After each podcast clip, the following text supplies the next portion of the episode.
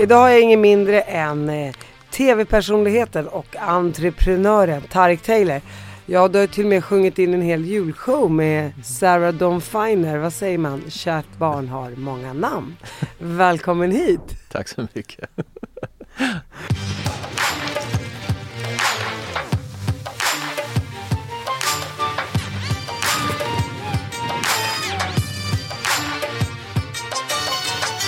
Vad händer? Från ingenstans liksom. Du ploppar upp i matprogram, du sjunger någon julshow med en av eh, Sveriges främsta artister. Du är entreprenör idag, du gör ditt eget vin. Mm. Vad händer Tarek? Ja, Eller men- vad hände skulle Ja, jag jag vet inte, jag vet inte. Varför ska man begränsa sig? Eller hur? säga. Var någonstans gick det snett? Jag, ja, jag vet Eller bara inte. rakt upp till himlen? Jag har ingen aning. Det är vad det är. Det var det, men det har Ja. gått bra. Ja, det tycker jag. Alltså, Det går bra nu som man brukar Det säga. går bra nu, ja. absolut. Ja. Nej, men jag, jag tycker det är kul att hoppa på nya saker. Så när det kommer upp eh, frågor så är jag väldigt snabb att säga ja. Men Även då, om jag jag har inte vet jag frågat dig om den här podden i typ två Nej, år det har du inte alls det. det har du inte alls det. Walla, det är snart två år sedan. Ja, gud. Kan du några arabiska ord? Bara fula saker.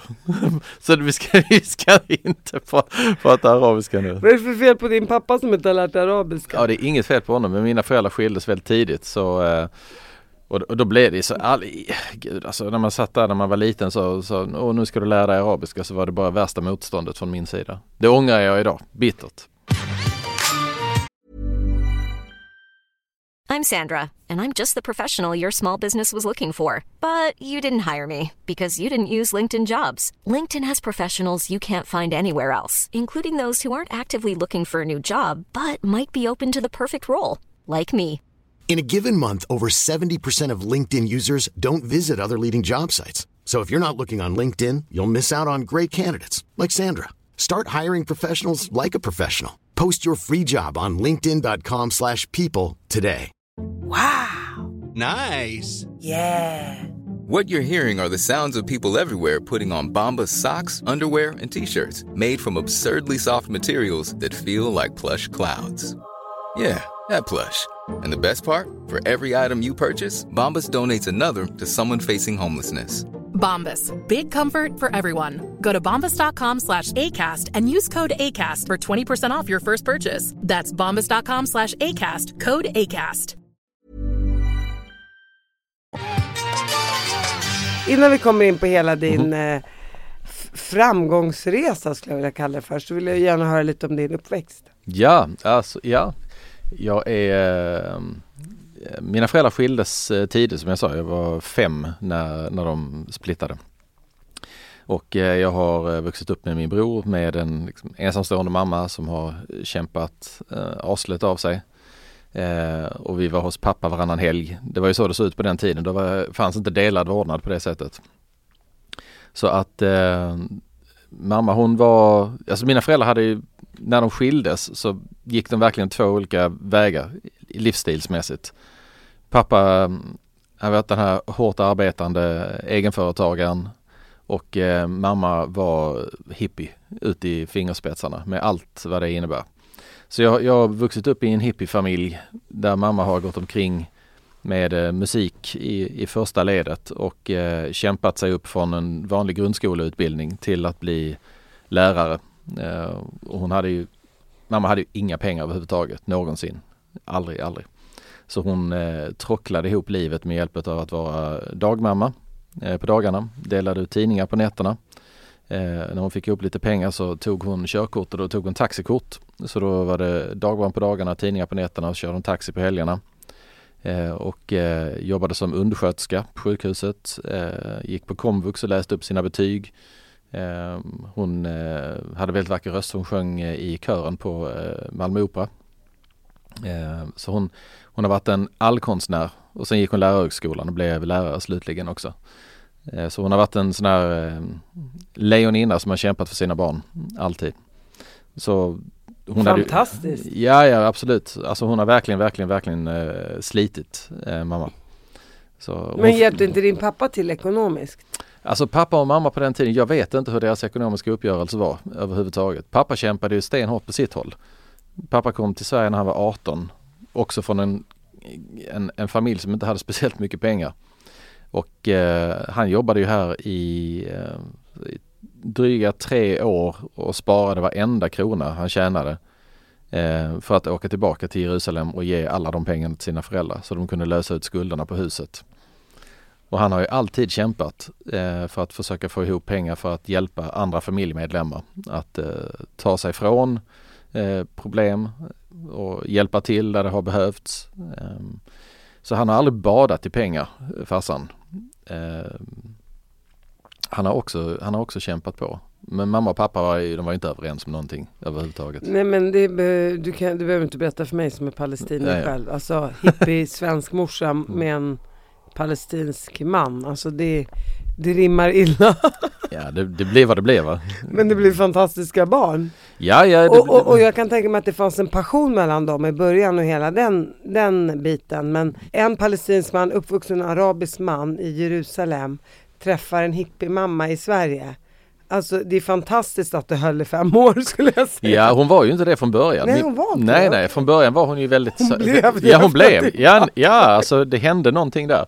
Min mamma kommer ju från en, en väldigt konservativ familj. Eh, där morfar var brittisk konsul och eh, det var ett väldigt väldigt propert hem. Eh, och strikt sådant också. Men eh, när det hände någonting där som, eh, som gjorde att mamma bröt ifrån allt det. Min mamma och pappa var väldigt unga när de träffades också. Och någonstans på vägen så behövde väl hon bryta loss, kanske göra volt, eh, hitta sitt eget, eh, vad det nu var för någonting. För jag har sett bilder på mamma in, alltså under äktenskapet. Det är inte samma människa. Eh, ja det är samma människa men hon, det ser ut som att... Eh, det är en knytblus. Ja, alltså det är väldigt välkammat, högt uppsatt hår sådär och till den det är inte den det är inte den Annie Taylor som jag känner. Hon, är, hon har lila hår som är stort och burrigt och hon går i hippiekläder och hon, hon lyssnar på uh, reggae och John Baez och, och Eddie, Freddie Mercury och tycker livet är fantastiskt om det är rökelse och många spännande fester. Var det mycket kärlek i hemmet? Ja, gud ja absolut. Absolut. Alltså, mamma hon var ju en sån här som eh, Eh, vad man än gjorde så var man, var man, tyckte hon att man var helt fantastisk på just det man gjorde. så att, Jag känner igen det där. Så det är ju underbart. Ja. Det, det, är ju den typen av föräldrar man önskar att man själv, själv är. Som, som säger till dem, det räcker att någon ritar ett streck på ett papper och säger Oh my god, du kanske ska bli konstnär. Du blev ju det, ish. ish. Ja, men hon gjorde ju allt. Det är väl där jag fått det ifrån också lite grann att eh, det finns inga gränser annat än de du själv sätter upp för dig. Om det är någon som eh, Vill man bygga en restaurang och man inte har råd att köpa en restaurang, då får man väl bygga en restaurang själv. Om du, behöver du, Som farsan tänker du? Ja, alltså vet du, behöver du ett bord och inte har råd att köpa bordet, ja, men köp, köp trä, bygg det själv. Eh, Jag det, tänkte säga åk till Ikea. Ja, nej men det är, alltså om man inte ens har råd med det. För så var det ju för mamma. Alltså hon, hade, hon köpte ju aldrig nya kläder till mig och min bror. Hon hade inte råd med det. Så när man kom till skolan så jag såg ut som, jag såg ut som eh, jag ser ut som sångaren i Led Zeppelin. Så, stort burrigt hår, eh, lite så väst och eh, flower power kläder till höger och vänster. Ungarna tyckte retades och sånt. Och, eh, och sen så försökte ju mamma kompensera så hon hittade ju eh, typ Lacoste-kläder på loppis och så drog loss krokodilen och sydde den på kläder som hon hade, som hon hade gjort istället. För man skulle passa in lite grann. Men det, det gjorde ju aldrig det liksom. Jag passade ju inte in någonstans. Inte i, inte i skolan i alla fall. Att, på grund av kläderna eller också på grund av att du var halvpalestinier? Nej, jag tror inte mitt palestinska arv hade någonting med det att göra. Jag har alltid sett väldigt, väldigt eh, svensk ut. Ja. Skäms eh, du för det? Inte det minsta lilla. ja, inte det minsta lilla. nej, det är, ty, nej. För att du ser svensk ut? ja, för att jag ser svensk ut ja. Nej, verkligen inte. Jag tycker, nej. Jag tror bara att jag var udda i förhållande till de andra. Och jag hade inte den här eh, starka eh, självkänslan i, i att, och jag var, jag var inte van heller att träffa andra barn eh, på det sättet som skolan var. Så jag var nog ett lätt offer. Jag var väldigt känslig och jag tog illa vid mig snabbt och jag tyckte inte att man skulle reta andra och jag, jag hoppade emellan i början sådär på, när folk liksom gick på någon eh, på skolgården och sådär. Men sen, sen vändes allt det emot mig och sen blev jag en, en hackekyckling under många års tid. Som de hackade på? Ja, ja absolut. Jag var, hade ganska utsatt mobbing i, i åtta års tid i skolan. Sen vände det mellan åttan och nian den sommaren. Och vad hände? Den sommaren hittade jag mina egna ben, mina egna fötter, hittade ett eh, egenvärde i mig själv. För jag, när, man, när man går omkring i skolan i den miljön och alla hackar på en och man inte känner att man hör hemma så får man väldigt, väldigt lågt eh, egenvärde. Och eh, sommaren mellan åttan och nian så förändrades det. Jag, dels började jag windsurfa, vilket var på den tiden en ganska tuff och cool sport. Jag hyrde en bräda ner på stranden och gick ut och lärde mig det. Och sen så blev jag kär i en, eh, i en tjej som gick i min klass som var en populär tjej dessutom och hon blev också förtjust i mig. Vi blev aldrig ihop. Men det där att någon annan gillade mig gjorde att jag kände att eh, nej, jag har ett värde som är, jag, jag, jag, jag är nog fan okej okay, alltså. Så när jag kom tillbaka årskurs nio i skolan. För det första hade plågoandarna i de andra klasserna, de var borta från skolan. Vi var äldst. Och sen så hade jag hittat, hittat mig själv. Det var flera som kom fram och sa, vem är du? Är du ny i skolan? Nej, jag har, vi har gått i samma skola i typ alla år. Um, och andra tjejer började komma upp liksom och fråga efter man kunde ta dem till skoldansen och en helt ny värld öppnades upp. Den fula ankungen blev en svan känns det som nästan. Ja, det var väl lite åt, kanske åt det hållet så. Men jag, jag hittade, mina, hittade mina ben. Hittade mina kanske fötter. blev snyggare också mellan 8 och 9. Du kanske växte i ditt utseende. Ja, det kan ha varit så men jag, jag tror framförallt att det syntes nog i mina ögon att uh, det är inte lönt längre. Liksom, jag är färdig med den här skiten. Och när de mobbade dig under åtta års tid, vad sa de? Man kunde komma ut på, på gården så blev man påhoppad. Eh, hoppar man, man gick ner i fritidsgården så blev man påhoppad. Eh, eh det var... Nej men slog till dig i huvudet eller? Ja det var alltid slagsmål, brottningsmatcher till höger och vänster. Satt man i klassrummet så var det någon som hade tagit med sig ett blåsrör och så satt man ett papperstussar och sköt i nacken och sen så eh, ja, ja, man var ful eller man var bög eller man var dit eller Allt som, som kids hittar på för att trycka ner någon annan. Man blir vald sist till, till någon sportaktivitet eh, om man ens blev vald överhuvudtaget. Eh, man blev retad för sina kläder, man blev eh, retad för sitt hår, man blev, eh, ja, vad det nu än var för någonting. Och lärarna då? Ingenting? Nej, eh, på den tiden så verkade det som att lärare eh, resonerar som att mobbing existerar inte. Det där är bara grabbar, de, det löser de på rasten. Fast det var ju på rasten allting hände så att... Eh.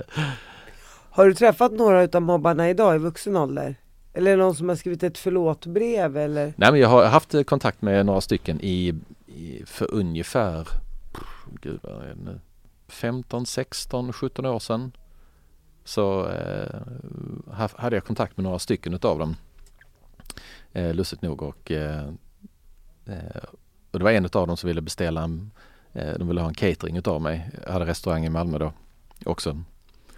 Och så satt jag och pratade med honom och eh, han ville pruta och ha sig till höger och vänster. Och när, när vi väl var färdiga med varandra så, så hade jag nästan gått med på att ge honom cateringen och så bara kände jag, nej det här är så fel. Så jag ringde upp honom och så sa jag, vet du vad, jag kan, jag kan inte leverera en catering till dig. Det går inte. På grund av det här och det här. Och då bad han om ursäkt och sa att jag, förstod inte att det var så allvarligt för dig. Så sa jag att det var, det du gjorde ensamt kanske inte var så allvarligt men du var en av 20. Och många gånger är det så. Att eh, många reflekterar inte över att, men, hur var jag? Var jag verkligen en plågoande i skolan?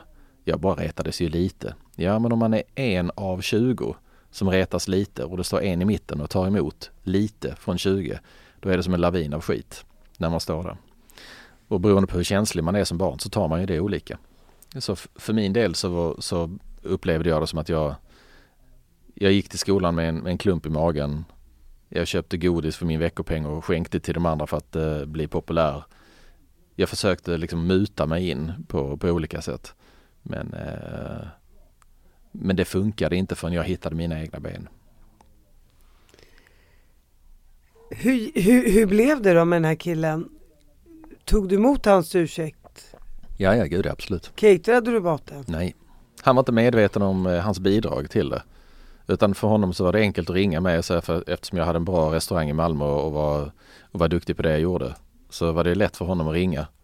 Eh, hade det inte varit lätt för honom att ringa hade det varit en annan femma. Men jag hamnade i en situation ganska tidigt när jag var 18, nyutek, eh, hyfsat nyutexaminerad kock och eh, hamnade som köksmästare på, på en restaurang. Eh, och det visade sig att eh, flera utav dem i köket som stod och jobbade som kockar var mina tidigare plågoandar. Och eh, då tänkte jag nu jävlar, nu ska jag ge igen. Så de fick skala lök och skala potatis i eh, absurdum och blev nekade ledigheter och så höll jag på i, i fem dagar. Och sen vaknade jag sjätte dagen och tänkte vad fan sysslar jag med? Den tiden är över. Vad är det du ska ge payback för? Mår du bättre av detta? Inte en sekund. För det här är nu dina arbetskollegor och du ska leva med dem varje dag och ha trevligt med dem i köket. Så där la jag ner det efter de fem dagarna Eh, och insåg att det där med att ge tillbaka det har ingen, eh, det leder ingenstans överhuvudtaget. Det är i stunden som det kanske kan ge någon form av tillfredsställelse. Men sen ska du också leva med det som du har gjort. Och vad fan är jag för människa om jag ger tillbaka med samma mynt som jag en gång fick? Det, det funkade inte alls för mig. Så det var, en, det var en bra lärdom en, och en god läxa att uh, grudges, uh, they only hurt yourself. Det funkar inte. Och att du kommer på det efter fem dagar, det är väldigt snabbt jobbat. Ja, men jag mötte ju dem hela tiden. Jag, jag, jag, var, jag varit elak mot en kille en gång. Så, för att jag var så jävla frustrerad i skolan över någonting annat. All den jävla skiten som jag utgick, liksom, tog emot varje dag. Då träffade jag en, en kille vid en busshållplats och så slog jag någonting ur handen på honom. Och det har jag haft dåligt samvete för sedan dess. Jag är inte, jag är inte den här eh, födda bullin. Jag, jag får noll utav det. Men jag tänker, du har en palestinsk pappa. Jag vet inte om han är hetlevrad. Som resten av oss araber. Det finns väl inget annat? Nej, jag tänkte väl det. Berättar du ingenting för dina föräldrar? Jag menar, skulle jag veta om att mitt barn mm. var utsatt för det här, jag skulle bli galen. Jag, jag skulle inget... gå till skolan på mm. riktigt. Mm. Okej, okay, inte riktigt slå de andra barnen, mm. men sätta ner foten så ordentligt. Inför lärarna, inför mm. rektorn, inför allt och alla. Mm.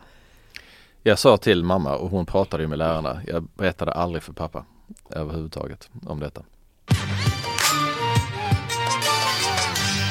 Du, du, du pratar väldigt mycket om din mamma när jag sitter och pratar med dig. Din pappa, var han inte så stor del av ditt liv? Alltså på den tiden när man var hos pappa varannan vecka så var det förknippat med så mycket annat. Så pappa var tyvärr inte eh, så närvarande i, eh, i våra liv när vi var små. Och det hade nog väldigt mycket att göra med att deras skilsmässa inte var speciellt bra. Mina föräldrar var aldrig överens om någonting överhuvudtaget. Så att eh, när vi var hos eh, pappa så, eh, så vi lekte och vi hade eh, kul med pappa och alla de bitarna men det var varannan vecka, två dagar liksom. Och sen så allt det vardagliga, skolan, rubbes det var, det var mamma som, eh, som var liksom det stora ankaret för, för oss. Älskar du din pappa? Gud ja, absolut. Och du har gjort det hela tiden? Alltid, alltid, gud ja absolut. Pappa varit jätteviktig. Vi hade ju en period som, eh, då vi kom ifrån varandra under ganska många års tid. Hur gammal var du då? Ja, då var jag i tonåren liksom. Så att, eh, och det var kanske då som man egentligen hade behövt en manlig förebild på, på många sätt och vis. Men, eh, men vi har ju hittat varandra sedan dess tusenfalt. Min pappa är jätteviktig för mig i, idag, precis som min, min mamma. Eh, så att det jag tror med, med, eller för min egen del så har jag upptäckt att med, med åldern så lugnar jag ner mig och har möjlighet att se saker och ting från fler perspektiv. Men där och då när man är tonåring och ung så är det ju bara ens egna tankar och känslor som brinner i en hela tiden. När jag växte upp, när jag gick på låg och mellanstadiet fanns det inte så mycket invandrare i Sverige. När jag började på högstadiet, då var vi en klass som var full av kurder och araber och iraker och mm. iranier och chilenare och allt vad det nu Riktigt mm. blandat, alltså det var mm. verkligen mm. fruktsallad när du växte upp så var det väldigt svenskt och jag kan tänka mig också att din pappa stack ut och kanske var lite annorlunda vilket också gjorde att du, du, du hade ingen igenkänning i hur din pappa var det var inte bara jag som inte fick ha korta kläder eller det var inte bara jag som inte fick vara ihop med killar, det var inte bara jag. Hade den känslan varit, det är bara jag som mår så här och det är bara jag som får de här straffen eller är förbjuden att göra dittan och dattan. Då hade det nog känts mycket mer. Men i och med att man ändå man satt inte ensam i båten. Kan, kan du känna att du ändå var lite ensam i din båt? Ja, så upplevde jag det ju många gånger. För, Ja. Förstår du vad jag försöker Ja, säga? ja nej, nej men absolut jag förstår eh, vad du säger.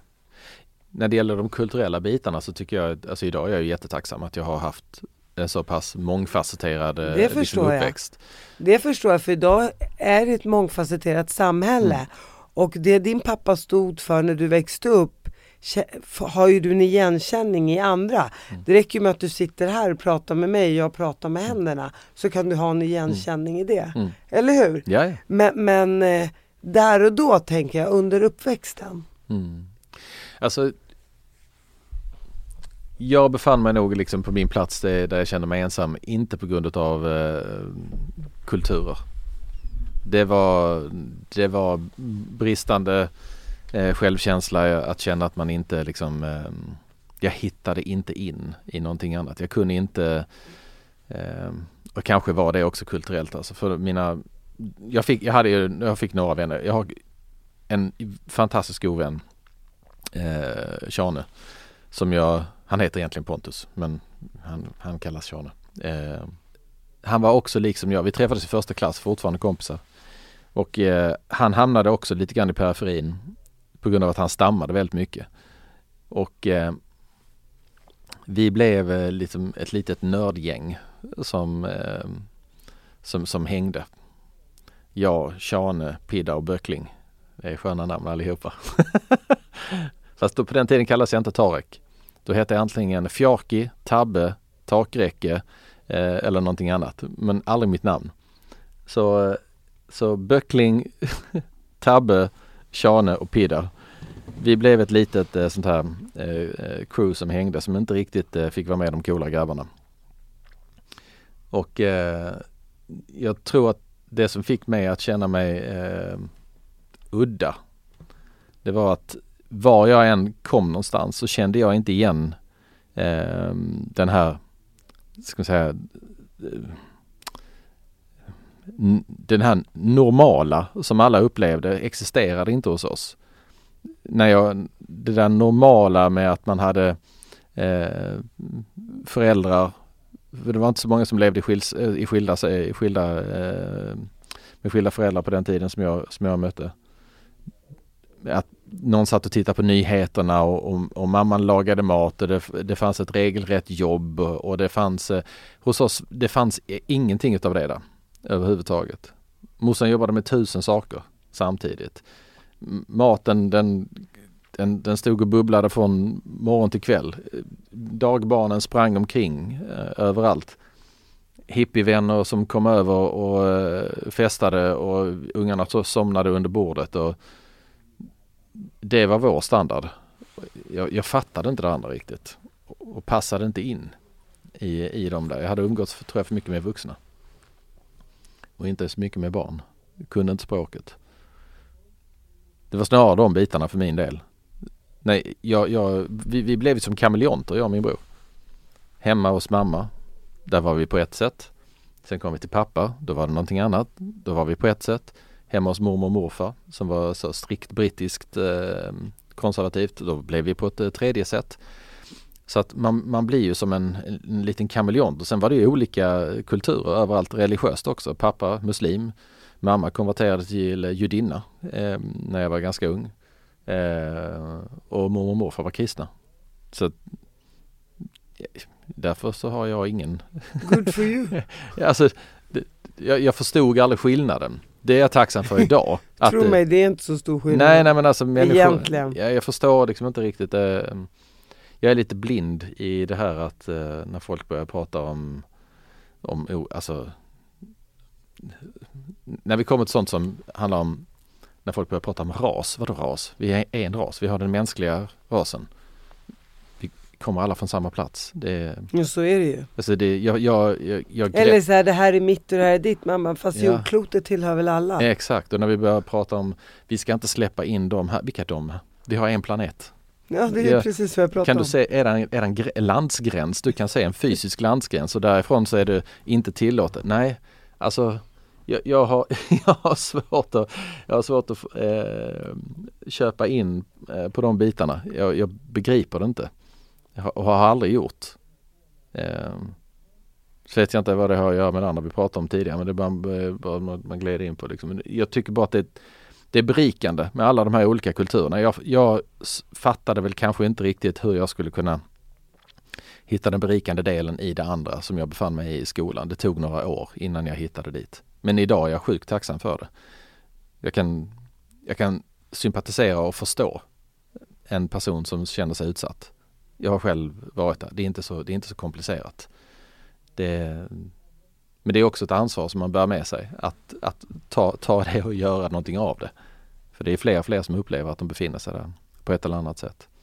Så ja, jag vet inte. Nej men jag, jag, jag förstår Det är bara en jobbig utveckling i samhället när man ser vad som händer. jag förstår det 100 procent. Jag kan bara, jag tänker på det där med, eh, med som du pratade om, det här med gympan, att du blev vald sist. Jag, var, jag fick ju alltid välja, Mm, för jag var faktiskt, cool. får jag säga det, bra i sport. Eh, och jag valde ju alltid den bästa först. Men sen valde jag bland de där lite sämre som aldrig blev valda, lite i mitten för att de aldrig skulle känna att de skulle bli valda sist. Så det är klart det fanns en strategi att inte välja de sämsta först. Men jag valde dem aldrig sist för att de aldrig skulle känna sig utanför. Så, för att jag fattar redan i sjuan att man inte skulle bete sig sådär. Mm. Även om jag nu bad dig flytta ifrån min stol så har jag faktiskt aldrig varit en mobbare, tro mig. Nej men det köper jag. Alltså, Det känner du. ja, ja, men alltså det, det, Vi lär oss utav alltså, våra, våra barndomsår och de, de bitarna. Det, det är en, Men, det men är jag bara en del av livets skola. när kunde du och din pappa sätta er ner och prata? Har ni gjort det någon gång? Ja, ja, gud ja, absolut. när fann ni varandra och, och när gled ni isär? Alltså, vi Hur gled- gammal var du? Ja men pff, vad var jag exakt? Jag kan väl varit sådär en 10, 11, 12 någonting sånt. 11, 12. Eh, när, eh, när vi tappade kontakten. Och sen så eh, mötte jag eh, pappa utav en ren slump. Eh, när jag skulle göra pass eh, sju år senare. Men, men han hörde inte av sig till dig heller? Nej, But why? I don't know. Alltså det är ju så här att det, någonstans där på vägen så tror jag att när, eh, när mina föräldrar var så i luven på varandra som de var. Det skadade oss barn så pass mycket att det blev nästan principiellt för oss också. Nu är det upp till honom. Och eh, jag har många gånger liksom undrat eh, över, över många saker liksom. Bland annat varför skilde de sig och så vidare och allt det där. Och pappa har aldrig sagt någonting och sen hade vi ett samtal om det runt en tid när jag var 30 ungefär. När jag, vi satt i bilen och åkte fram och tillbaka till Göteborg och skulle köpa, köpa bildelar. Eller vad det var vi skulle göra. Men du blev arab på riktigt? Ja, ja, ja, ja. ja precis ja. ja, jag blev bilmekaniker jag och pappa. Ja, ja, gud absolut. Jag bara säger det för att alla typ mina morbröder i Syrien är bilmekaniker. Ja, ja, ja, gud ja. Jag meckar också med bilar. det är kul. Ja, nej men, eh, nej men då frågade jag honom. Och så sa jag till honom efteråt, så sa men varför har du väl sagt något? Då sa han, ehm, jag tänkte att ni frågar när ni vill veta. Och då svarade jag. Så han har alltid varit en person som, Det var väldigt svenskt. pappa han skiljer sig verkligen åt eh, från, från, från mängden när det gäller det där. Han har satt lugnt i båten och han kan sitta i åratal. Och det är inte förrän man ställer frågan som han berättar. Och, Och och vad sa han? Nej, nej men han berättade ju sin sida utav det. Och då kunde jag börja lägga ihop ett och ett och få liksom en, en större bild av vad, var det, eh, vad som hade hänt. Och, och för mig var det, var det väldigt sådär förlösande för det, satte det satte väldigt, väldigt mycket på kartan för min del. Äntligen kunde man liksom fylla i de där luckorna. Jag önskar jag hade fått veta det tidigare för jag tror att många barn eh, går omkring med, även om man inte skuldbelägger sig själv nödvändigtvis i alla lägen, så går man ju alltid omkring med, med, med tankar där man undrar så jävla mycket som man behöver ha svar på. Oavsett om det har med en själv att göra eller inte, för man är ju alltid involverad i det på något sätt. Så att för min del så kunde jag lägga mycket till ro. Det gav mig mycket, mycket mer insikt om saker och ting. Och, och vad var det som var förlösande? Vad var det han sa som fick dig att känna, aha okej okay, men nu, jag förstår dig bättre nu. Ja men det var, det gav mig en, en grund till varför de var så jävla arga på varandra. Så nu fattar jag mer. Och nu förstod jag också vad som hade hänt med mig på vägen. Hur jag har blivit påverkad utav deras, deras gnabb. Hur det hade färgat mig och i mina val och hur jag resonerat kring pappa och kring mamma och kring situationer och så vidare. Och det gjorde att jag kunde som vuxen få en distans till det och börja tänka annorlunda. Och det blev också vägen in för min del. Att börja närma mig pappa på ett annat sätt. Det är synd att det tog så jävla många år. Så du var 30 år? Ja, då fick jag svar på de här frågorna äntligen och började kunna lägga ihop ett och ett. Så att, eh, och det gav mig en större förståelse också om, om eh, mamma. Så att det, det var jättebra. Jag tänker ändå när du berättar om din pappa, liksom att han kämpade i Sverige. Han tänkte på sina föräldrar, mm. sin mamma och pappa mm. och liksom jobbade och slet för att få dem att överleva i mm. Jerusalem. Mm. Och, och här är han en pappa och känner att hans barn glider ifrån honom och så hatet mellan dina föräldrar och till slut ger han upp i den mm. känslan. Och alla vill de ha sin mamma, låt dem ha sin mamma. Mm. Strunta i mig då, ungefär. Mm. Fast Fast det är inte så enkelt men det blev ett sätt för honom att kanske överleva i den situationen. Ja absolut, så är det. Han har ju själv beskrivit den tiden som sju år av helvete. Han, har, alltså han, han led varenda dag. Han tyckte det var fruktansvärt. Han tyckte det var en vidrig situation. Vi är olika, min pappa och jag, i det att han, kunde, han, han hittade någonting i sig att sitta still i båten. Det kan inte jag göra. Det funkar inte överhuvudtaget. Så att eh, vi, vi, vi har ju, vi bär med oss olika karaktärsdrag i, i det där. Ja. 110 Men jag förstår idag var han befann sig någonstans. Så jag kan inte hysa något agg mot honom. Han gjorde det bästa han kunde utifrån sina förutsättningar. Utifrån den han är och det han hade med sig. Så att, eh, men det kunde jag ju inte se när jag var tonåring. Utan då var det ju bara, han bryr sig inte, han hör inte av sig och så vidare. Han skiter i mig, allt vad det är för någonting. Det, var, det tog tid för mig att processa dels min, mina egna tankar runt omkring detta här och också vara till, tillräckligt liksom färdig med den biten för att kunna ta in honom. Vad är det egentligen du säger? Vad menar du egentligen? Så att jag sa det efter den här eh, resan vi gjorde ner till, eh, till Palestina och Israel att om man någon gång i sitt liv ska ta en, ta en resa med sina föräldrar så ska man göra det i vuxen ålder. Så att man eh, när man är på en plats där man kan ta till sig när man inte åker för att vi ska åka sol och bada utan visa mig var du kommer ifrån. Låt mig få vandra i, i, i dina gamla fotspår. För fasen vad det lägger mycket pusselbitar på plats alltså. När man förstår. Det är ju trots allt en människa som har präglat en under hela ens uppväxt. Och hur många gånger har man inte stått och undrat sig när man tittar på sina föräldrar och säger Är du dum i huvudet? Varför gör du så? Man fattar ingenting överhuvudtaget. Hur kan du tänka så här? Vad är det som får dig att ticka? den där resan den skapar riktiga pusselbitar. Man kan lägga det där pusslet och säga, ah jag fattar, nu fattar jag. Hiring for your small business? If you're not looking for professionals on LinkedIn, you're looking in the wrong place. That's like looking for your car keys in a fish tank. LinkedIn helps you hire professionals you can't find anywhere else, even those who aren't actively searching for a new job but might be open to the perfect role. In a given month, over 70% of LinkedIn users don't even visit other leading job sites. So start looking in the right place. With LinkedIn, you can hire professionals like a professional. Post your free job on linkedin.com slash people today. Burrow's furniture is built for the way you live. From ensuring easy assembly and disassembly to honoring highly requested new colors for their award-winning seating, they always have their customers in mind. Their modular seating is made out of durable materials to last and grow with you. And with Burrow, you always get fast, free shipping. Get up to 60% off during Burrow's Memorial Day sale at burrow.com slash ACAST. That's burrow.com slash ACAST. burrow.com slash ACAST.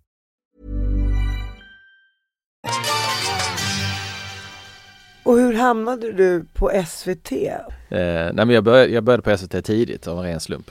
Jag hade gjort eh, matprogram hemma i, eh, i köket för en annan kanal och sen så gick restaurangen eh, gick åt helvete och den där kanalen gick i konkurs och sen eh, ringde de från SVT och frågade om jag kunde gå på audition för Trädgårdstider.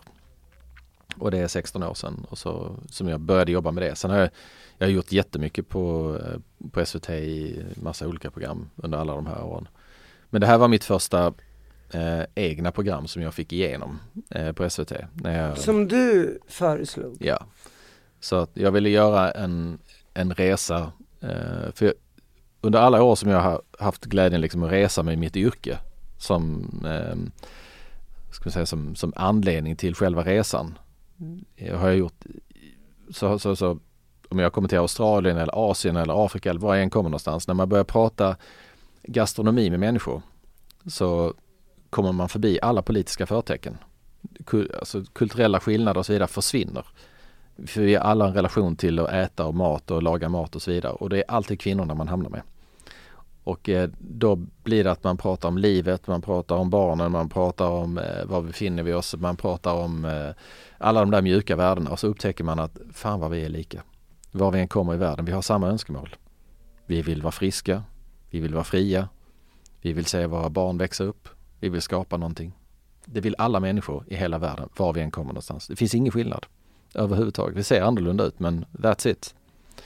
Och när man, när man kan komma en kultur under skinnet på det sättet utan att det ska vara en massa politik i vägen och utan att man ska behöva eh, först avhandla en massa religiösa eh, hinder och liknande för att komma in. Eh, då är det spännande tycker jag. Och därför var idén att resa med människor som man kände till i Sverige med eh, utländsk bakgrund och så genom deras ögon komma in i var de kom ifrån för att få en ökad förståelse för eh, att, vi, att vi kommer från olika platser men vi är vi delar den här platsen och vi berikar varandra med alla våra olika eh, egenheter som vi har. Det där påminner mig om när jag såg fotbolls-VM från Qatar. Mm. När Iran spelade mot, mot USA. Iran förlorar matchen. Och efter det att slutsignalen går så går de amerikanska spelarna fram till de iranska spelarna, persiska spelarna mm. och, och kramar om dem. Och jag bara tänker så här, här har vi liksom de två ärkefienderna i världen, USA, liksom Iran. Mm. Men när det kommer till fotbollen så är vi alla lika. Mm. Då är det sporten som gäller. Mm. Då läggs all politik åt sidan. Och där kramar man varandra och tröstar varandra. En fotbollsspelare gentemot en annan fotbollsspelare. Mm. Så att när du berättar den här nu storyn för mig så, så, så mm. associerar jag till den matchen. Absolut. Det är, det är hela... precis samma sak. Absolut. Det är hela grejen och det är mm. där vi pratade om tidigare med det här med att vara en världsmedborgare. Mm. Eller så här, vem säger att dina gränser är dina gränser, de här Absolut. är mina gränser. Absolut. Olympiska spelen likadant. Man la sina vapen utanför, man gick in naken för man skulle vara beväpnad i brottningen. Och så. Alla de bitarna. Det finns väldigt, väldigt, väldigt fina eh, förtecken och eh, premisser för alla de bitarna och det gör man också med mat tycker jag. Så därför var den här tanken att eh, resa runt i, i världen på det här sättet. Då kommer du till Palestina med din mm. pappa, berätta. Ja, det där var en, eh, jag var ju där när vi var fem, eller nej, jo fem år gammal, för tre, fyra, ja, jag, var, jag var väldigt liten när vi var där första gången. Eh, men då var jag där med mamma och min bror och då skulle vi ta bussen in till Jerusalem och sen missar vi den. Vi tar nästa buss och så kommer vi fram och ser att den bussen vi skulle ha tagit den var sprängd. Så det var en, det var, jag får tacka, tacka någon helig makt. Sen dess har jag inte åkt dit. Och sen när vi väl kom ner dit alltså och eh, man kommer in i, man kommer till flygplatsen, eh, beväpnade soldater överallt.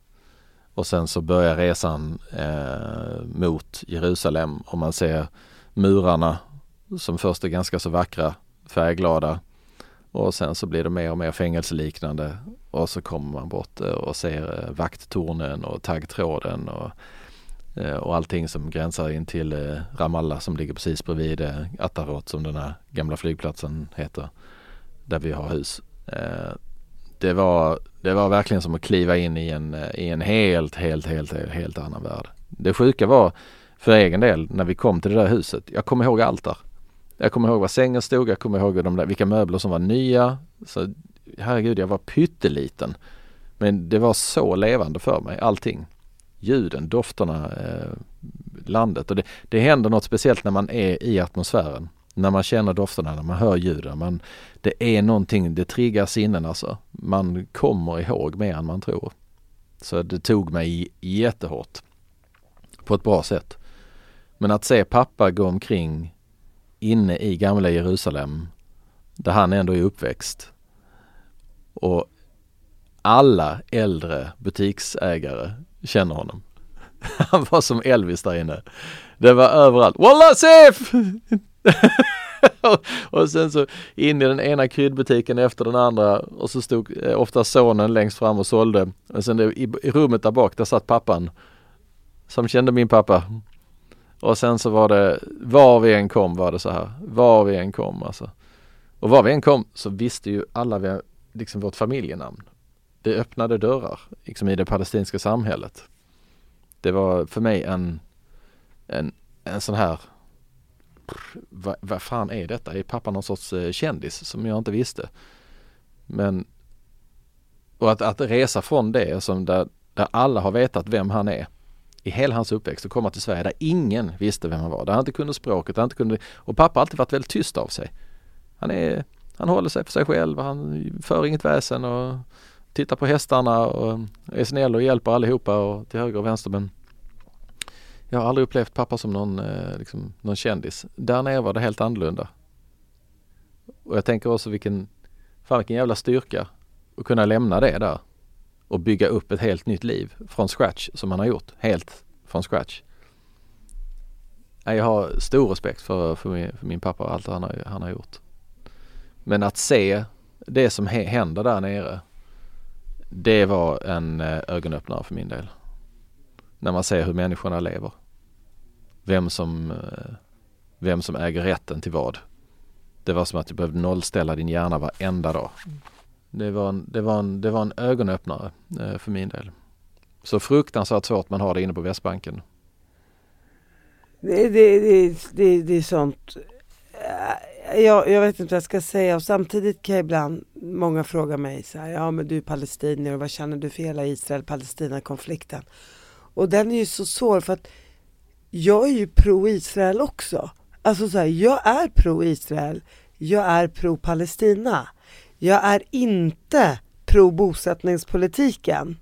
Att det är Israel som sitter på makten och det är ändå Israel som kan vara med och förändra för palestinierna. Och förändringen sker inte genom att kasta ut palestinierna från sina hem och bygga på deras markområden vi kan börja med att sätta stopp där, inte nu utan igår. För att det ska bli någon form av lösning. Och med det sagt återigen så är jag pro-Israel. Mm. Så att man måste liksom så här, det, det, man kan inte bara skit här eller bara skit där. Jag tror att många, eller folket, alltså normala människor vill inte ha krig.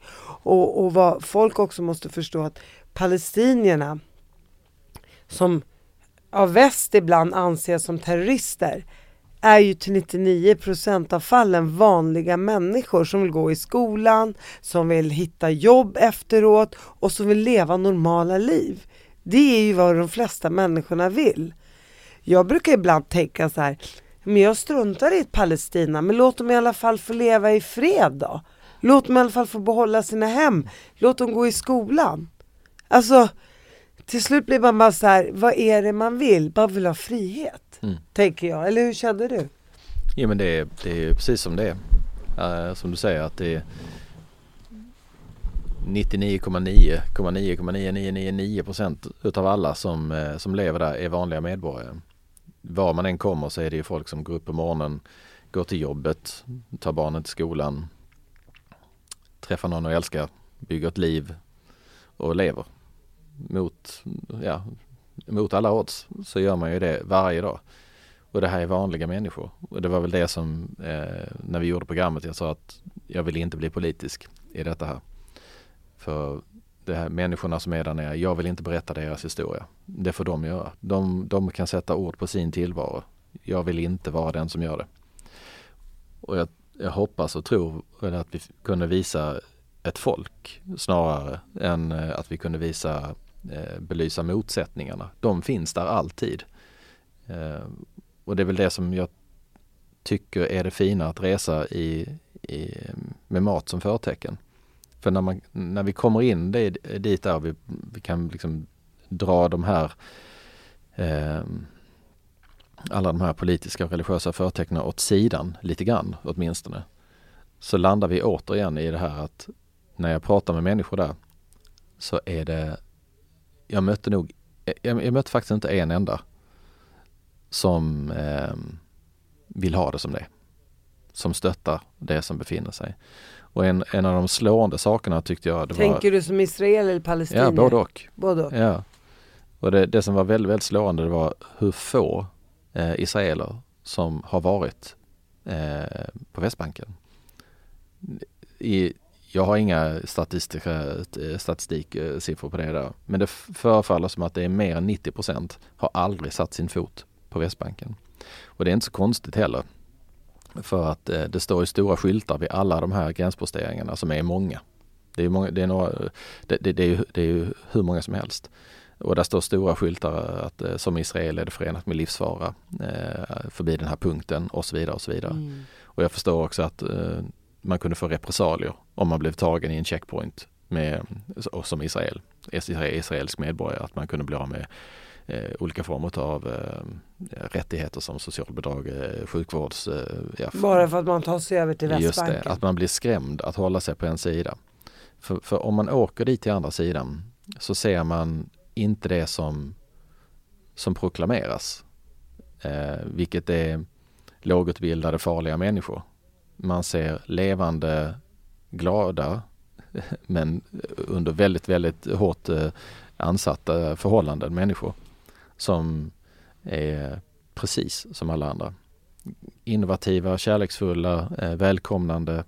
Det är en, när, om människor får träffa människor utan alla de här hindren och barriärerna emellan så möter man just precis det, människor. Alltså och, då, då, jätte... och, då, kan man inte upprätthålla system som förtrycker den ena eller den andra. Nej, och det är det här som är återigen, vi som bor utomlands. Så, så jag har jättemånga judiska vänner.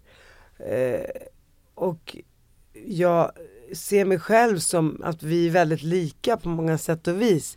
Det är ju mer som förenar oss än som faktiskt ja, ja, inte absolut. gör det. Ja, i allra högsta grad. Och, och det här man måste förstå att som du själv säger, om man får den vanliga judiska eh, medborgaren att bli skrämd över att ta sig över en gräns så kan, hur ska den personen överhuvudtaget förstå vad som händer på andra sidan? Nej det kan man inte och man behöver ju se det med egna ögon. Det var därför jag sa att när jag kom ner att få doften och människorna och, och ljuden och allting det, det, det gör att allting blir riktigt och påtagligt. Att läsa om det eller se det på tv eller något annat, det blir ett akademiskt, eh, en observation utav någonting som man inte riktigt, riktigt på, på, på allvar kan ta till sig om man inte har varit där.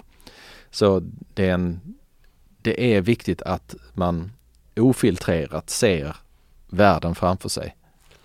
Skulle du säga att du förstår båda sidorna? Ja, i allra högsta grad. Och idag så är det ju så att vi har en hel generation som har fötts och växt upp under de här förhållandena och för dem är det normalt. Detta är, detta är standarden.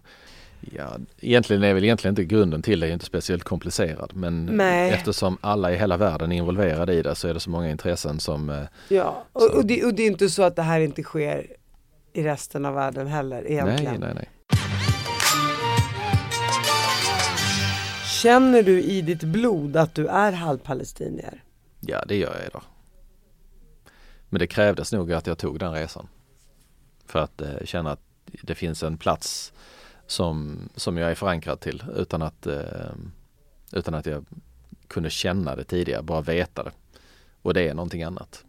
Det, det var berikande. Absolut. Hur gammal är du när du gifter dig? Första gången jag gifte mig och andra gången, nej, första gången jag gifte mig var jag sex år gammal. Då gifte jag mig med min. Med din docka. Ja exakt, jag är lite grann så. Jag har en sån liten nalle som heter Ludde, en liten hund. Så jag, Åh jag älskar dig, det är du och jag. Du, du gick från gay till heterosexuell. Absolut snabbt. Eh, eh, jag, vi gifte oss när jag var 26 tror jag. Du var ung ändå. Ja. Och så fick ni en dotter. Ja, Och hur gammal är hon idag? hon är 19, blir 20. Wow. Mm. Känner hon till sina palestinska rötter? Oh ja, absolut. Absolut. Och hon är lika stolt och glad över dem som, som jag är. Så att eh, hon, har, hon har rötter i många olika, eh, många olika platser genom sina föräldrar. Så det är kul. Är, är din exfru svenska? Eh, Svensk-finsk. Ja okej, ja häftigt. Mm. Så hon har alltihopa nu? Ja, ja, hon är finsk, svensk, engelsk, eh, palestinier. Eh, så att... Eh, På tal om världsmedborgare. exakt. Och, och vill hon gå i dina fotspår? Eh, det hoppas jag inte. Eh, hon, har, hon har jättebra fötter så hon kommer, hon kommer garanterat göra sin egen väg. 110 procent. Det är jag helt säker på. Och du har ju bara en dotter, eller hur? Ja. Och hur känns det att inte ha fått fler barn? Eller kan du tänka dig fler i framtiden? Jag, som halvpalestinier tänker jag. ja, men jag, jag vill ju vara liksom vid en liksom fighting age så att, eh, så att jag jag vet inte om jag är liksom lite på sluttampen av mina år för att skaffa barn. För att, ja, men du vet själv så, så kommer ungarna, kommer de hem så här, "Här är min pappa, är det din farfar? Nej det är din, nej alltså Sluta snacka skit om Aje nu, okej? Nej, jag har inte nämnt aj, Jag beundrar människor som, som verkligen liksom bara lever livet oavsett. Han, kan- var, han var 66 när vi fick vår dotter. Ja det är fantastiskt. Fan, jag bara Du är gratulerar. bara barnet, Nej, jag bara gratulerar. Det- Jag tycker det är fantastiskt. Jag tycker det är underbart. Hur gammal sa du att du var? 50, 53, jag blir 50 54 nu. 54. Mm, Men skulle du kunna tänka dig fler barn? absolut. Så att det finns en möjlighet? Ja det vet man ju inte. Men just nu så är det, inte just nu, men Snart kanske? In, innan du blir 66? innan jag blir 66. Jag, jag, låter, jag låter den vara öppen för, för open Okej, for men, men discussion. du är inte helt negativt inställd? Nej, nej, ungar är väl underbara. Det är väl fantastiskt Jag trodde du skulle säga ungar är väl ungar? ja, det är de det också men det är underbart. Och, och Sofia har ju en dotter sedan tidigare, Ja. din nuvarande flickvän. Hur är det? Du är ju lite, du är ju styrpappa på nytt. Jag blir lite bonus. Häromdagen när jag ringde dig då skulle du ju lägga barnet. Ja, ja, men alltså jag är ju lite bonuspappa där också. Och hur känns det att börja om från början? Det är jättekul. Alltså, Sjunger du? Jag tänker nu när du har blivit artist också på senare år. jag har väl alltid sjungit, tror jag. Sjunger du de här julnumren då? Ja, precis ja, det är då jag går in och så. Nu tändas Exakt, det är det jag gör när, när det är dags att lägga sig. Nej, Nej men hur känns det på riktigt? jag tycker det är kul. Känner du att du kom in där och att det var lätt som en plätt eller kände du att det blev Ja, att det var ett bagage som du fick hantera så att säga. Ja, men ingenting är ju lätt som en plätt. Och det ska det ju inte vara heller. Eh, så att, eh, men vi, tycker, tycker vi har hittat varandra. Hon är jättefin liten tjej. Hon har, hon har släppt in mig och vi, vi har det bra tillsammans. Så att eh, jag, jag, jag, är bara, jag är bara glad och tacksam. Det är jättefint. För en sån där man vill man träffa så här, kåt, glad och tacksam. Det vore Ja, ju Det är fantastiskt. mina ledord i livet. det var det Sofia föll för. Kanske det. Jag har ingen aning. Men du, och, och, och så körde du julshow med Sarah Dawn Finer. Hur var det då att sjunga med en av Sveriges bästa artister i Ja, julas? Det, För fulla hus. det är det svåraste jag någonsin har gjort. Är det så? alla kategorier. Inte för att, eh, inte för att, ja, men det är mer för att mina egna eh, rädslor att stå, eh, stå och sjunga för folk. Men det gick ju bra ju. Ja till slut alltså, men det var en helvetesresa. Vår, vår första rep vi hade, vi satt i åtta timmar och jag öppnade inte käften en enda gång. För att? Jag vågade inte sjunga. Det var så? Mm. Jag vågade inte sjunga i, eh, när vi satt där. Och Sarah, Det bara låste sig helt enkelt. ja, Sarah tittade på mig efteråt så, sa, så tittade hon på mig och så sa jag när vi gick ut därifrån så sa jag, jag är jättetacksam och glad för det här. Så tittade hon på mig och sa, du behöver inte vara tacksam. Du behöver vara bra. Sen gick jag hem och så satte jag mig vid bordet. Sen bröt jag samman. Så tänkte vad fan ska jag göra alltså? Så efter mycket om och men så ehm, eh, efter så hittade jag en, en, eh, en person i eh, Sofia Lilja som hjälpte mig att låsa upp de här eh, spärrarna i mig. Och nästa gång vi träffades så eh, vågade jag öppna käften och sjunga. Och när vi väl stod där på, på börsen, jag har aldrig varit så rädd i hela mitt liv som när, när det var dags att börja repa på börsen och eh, första genrepet vi gjorde, första, när vi hade genrepet innan det hade vi en genomkörare utav, av föreställningen som gick käpp rätt åt helvete. Alltså det var, så, det, var, det var så dåligt, det var undermåligt på alla håll och kanter. Sjöng du falskt då? Nej, jag vet inte om jag sjöng falskt men allting gick åt helvete. Vi kunde inte stegen, vi kunde inte, vi tappade texten och det var, alltså det var stämmor åt helvete och allting var katastrof. Så tänkte jag, ah, okej okay, men det är genrep ikväll, det kommer ju inte så många, 60-70 man. Och sen så går jag bort och så står Peter Bengtsson där som är en, en gammal vän till mig som jobbar där. Så sa han, fan det blir kul, det blir mycket ikväll, sa han. Vadå? Ja det är fullsatt. Det kommer 680 man. Okej. Okay. Så gick jag bort till Sarah och så sa jag, har ni hört hur många det är som kommer ikväll? Mm, vi hörde precis. Det är fullsatt. Mm. Okej. Okay. Fuck. så var det bara att gå in och försöka skärpa till sig. Men vi, vi drog igenom det i alla fall. Och nästa dag var det premiär och det var Ja, det, är det, det är det svåraste, roligaste, mest belönande och häftiga jag någonsin har gjort. Att stå på den där scenen. Och det gick bra? Det gick bra till slut. Det blev eh, eh, bättre och bättre. Jag tror den sjunde föreställningen vi har, hade, det var liksom som nu, nu topp, nu, nu, nu och sen så blev det, där satt det äntligen. Det var fantastiskt. Och jag menar det är inte så att man som publik ser om man, ni tar ett felsteg. Nej, ja det, ibland ser man nog att vi tar ett felsteg. Men, eh, men det ingår ju. Ja, men att få göra det med, med Sarah och med de musikerna. Det var helt sanslöst. Orkestra.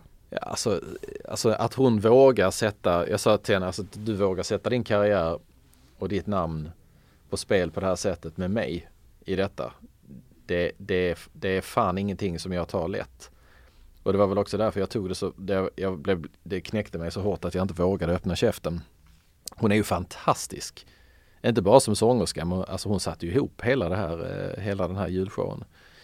Så eh, att se henne arbeta och musikerna arbeta på det sättet som de gjorde tillsammans med Hans också som eh, var där som och, och hjälpte oss, Hans Marklund. Det var helt jävla sanslöst, alltså vilka proffs. Och sen står jag där. Vad i hel... vad fan gör jag? Hur hamnar du där då? Jag var med i Masked Singer. Och det gick hyfsat bra. Jag kom, kom tvåa och hennes bror eh, Renny Miro var där. Jo men också. vet du vad? Jag såg just det när de trodde att du var Aje Philipsson. Ja, precis ja. Hur kändes det? jag garvar. Ja. Tror jag la ut det på mitt inst ja. min Insta-story. Det är så roligt för de sa något med Palestina och då, ja. Och det var ju också dessutom eh, eh, Felix Herngren Just som det. höll på och vi, vi är nära vänner. Exakt. Så jag garvade ju. Det var så roligt. Ja. Nej men så det var, det var, det var kul. Aje borde ställa upp. Kom alltså, jag lovar er, han skulle inte göra det för världens alla pengar. Nej, skit i pengarna, det är bara en fantastisk nej, nej, upplevelse. Men, men det är det, han, nej det är alltså, oh, det, det är som att be honom hoppa bungee jump från 300 meter. Jag skulle, jag skulle aldrig göra det. eh, eh, men det var ju kul att de trodde att du var Aje då. Ja. ja men det var en mäktig upplevelse i alla du fall. Du ser, vi har något gemensamt. Ja absolut. ja. Nej det var, det var, det, ja, men det var en väldigt fin upplevelse och sen eh, efter det så hörde, hörde Sarah av sig eftersom hennes bror var med. Eh, och sa, vad fan, varför sa du inte att du kunde sjunga? Ja, ja, du har inte frågat, tänkte jag som pappa. så, så, men eh, därifrån så ledde det fram till att hon ställde frågan om julshowen till slut. Är ni kompisar idag? Ja, absolut. Hörs ni? Ja, absolut. Vi ska träffas nästa vecka i Malmö. Woho! Festa, allihopa. Hela Men, bandet. Hela bandet? Jajamensan. Och, och hur, säger, hur, hur ser din karriär ut om fem år skulle du säga? Är det fortfarande tv och? Ja, kanske jag är nog inte intressant hur länge som helst för tv. Det har jag, utan när den tiden är över så är den tiden över. Men jag hoppas kunna få jobba vidare med, eh, med sånt som jag brinner för. Du ska föreläsa nu med Sofia? Mm, absolut. Det ska bli kul och trevligt. Men om fem år, jag kanske hoppas jag, får syssla, hoppas jag sysslar med, eh, med det jag gör med mina företag. Jag hoppas jag sysslar med musik. Du kanske är pappa då på nytt? Ja, det vet man inte.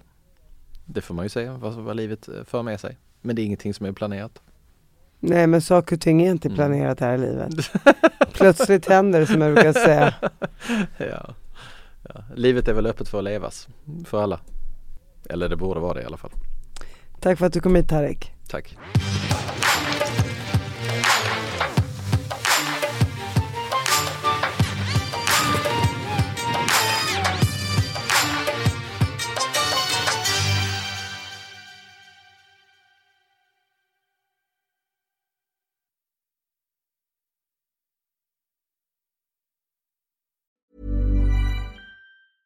Even when we're on a budget, we still deserve nice things.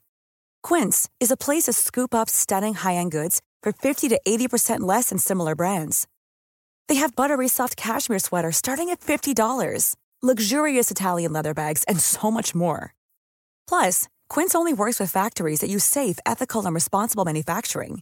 Get the high-end goods you'll love without the high price tag with Quince. Go to quince.com/style for free shipping and 365-day returns. Imagine the softest sheets you've ever felt. Now imagine them getting even softer over time. That's what you'll feel with Bowl and Branch's organic cotton sheets. In a recent customer survey, 96% replied that Bowl and Branch sheets get softer with every wash. Start getting your best night's sleep in these sheets that get softer and softer for years to come. Try their sheets with a 30-night guarantee. Plus, get 15% off your first order at bowlandbranch.com. Code BUTTERY. Exclusions apply. See site for details.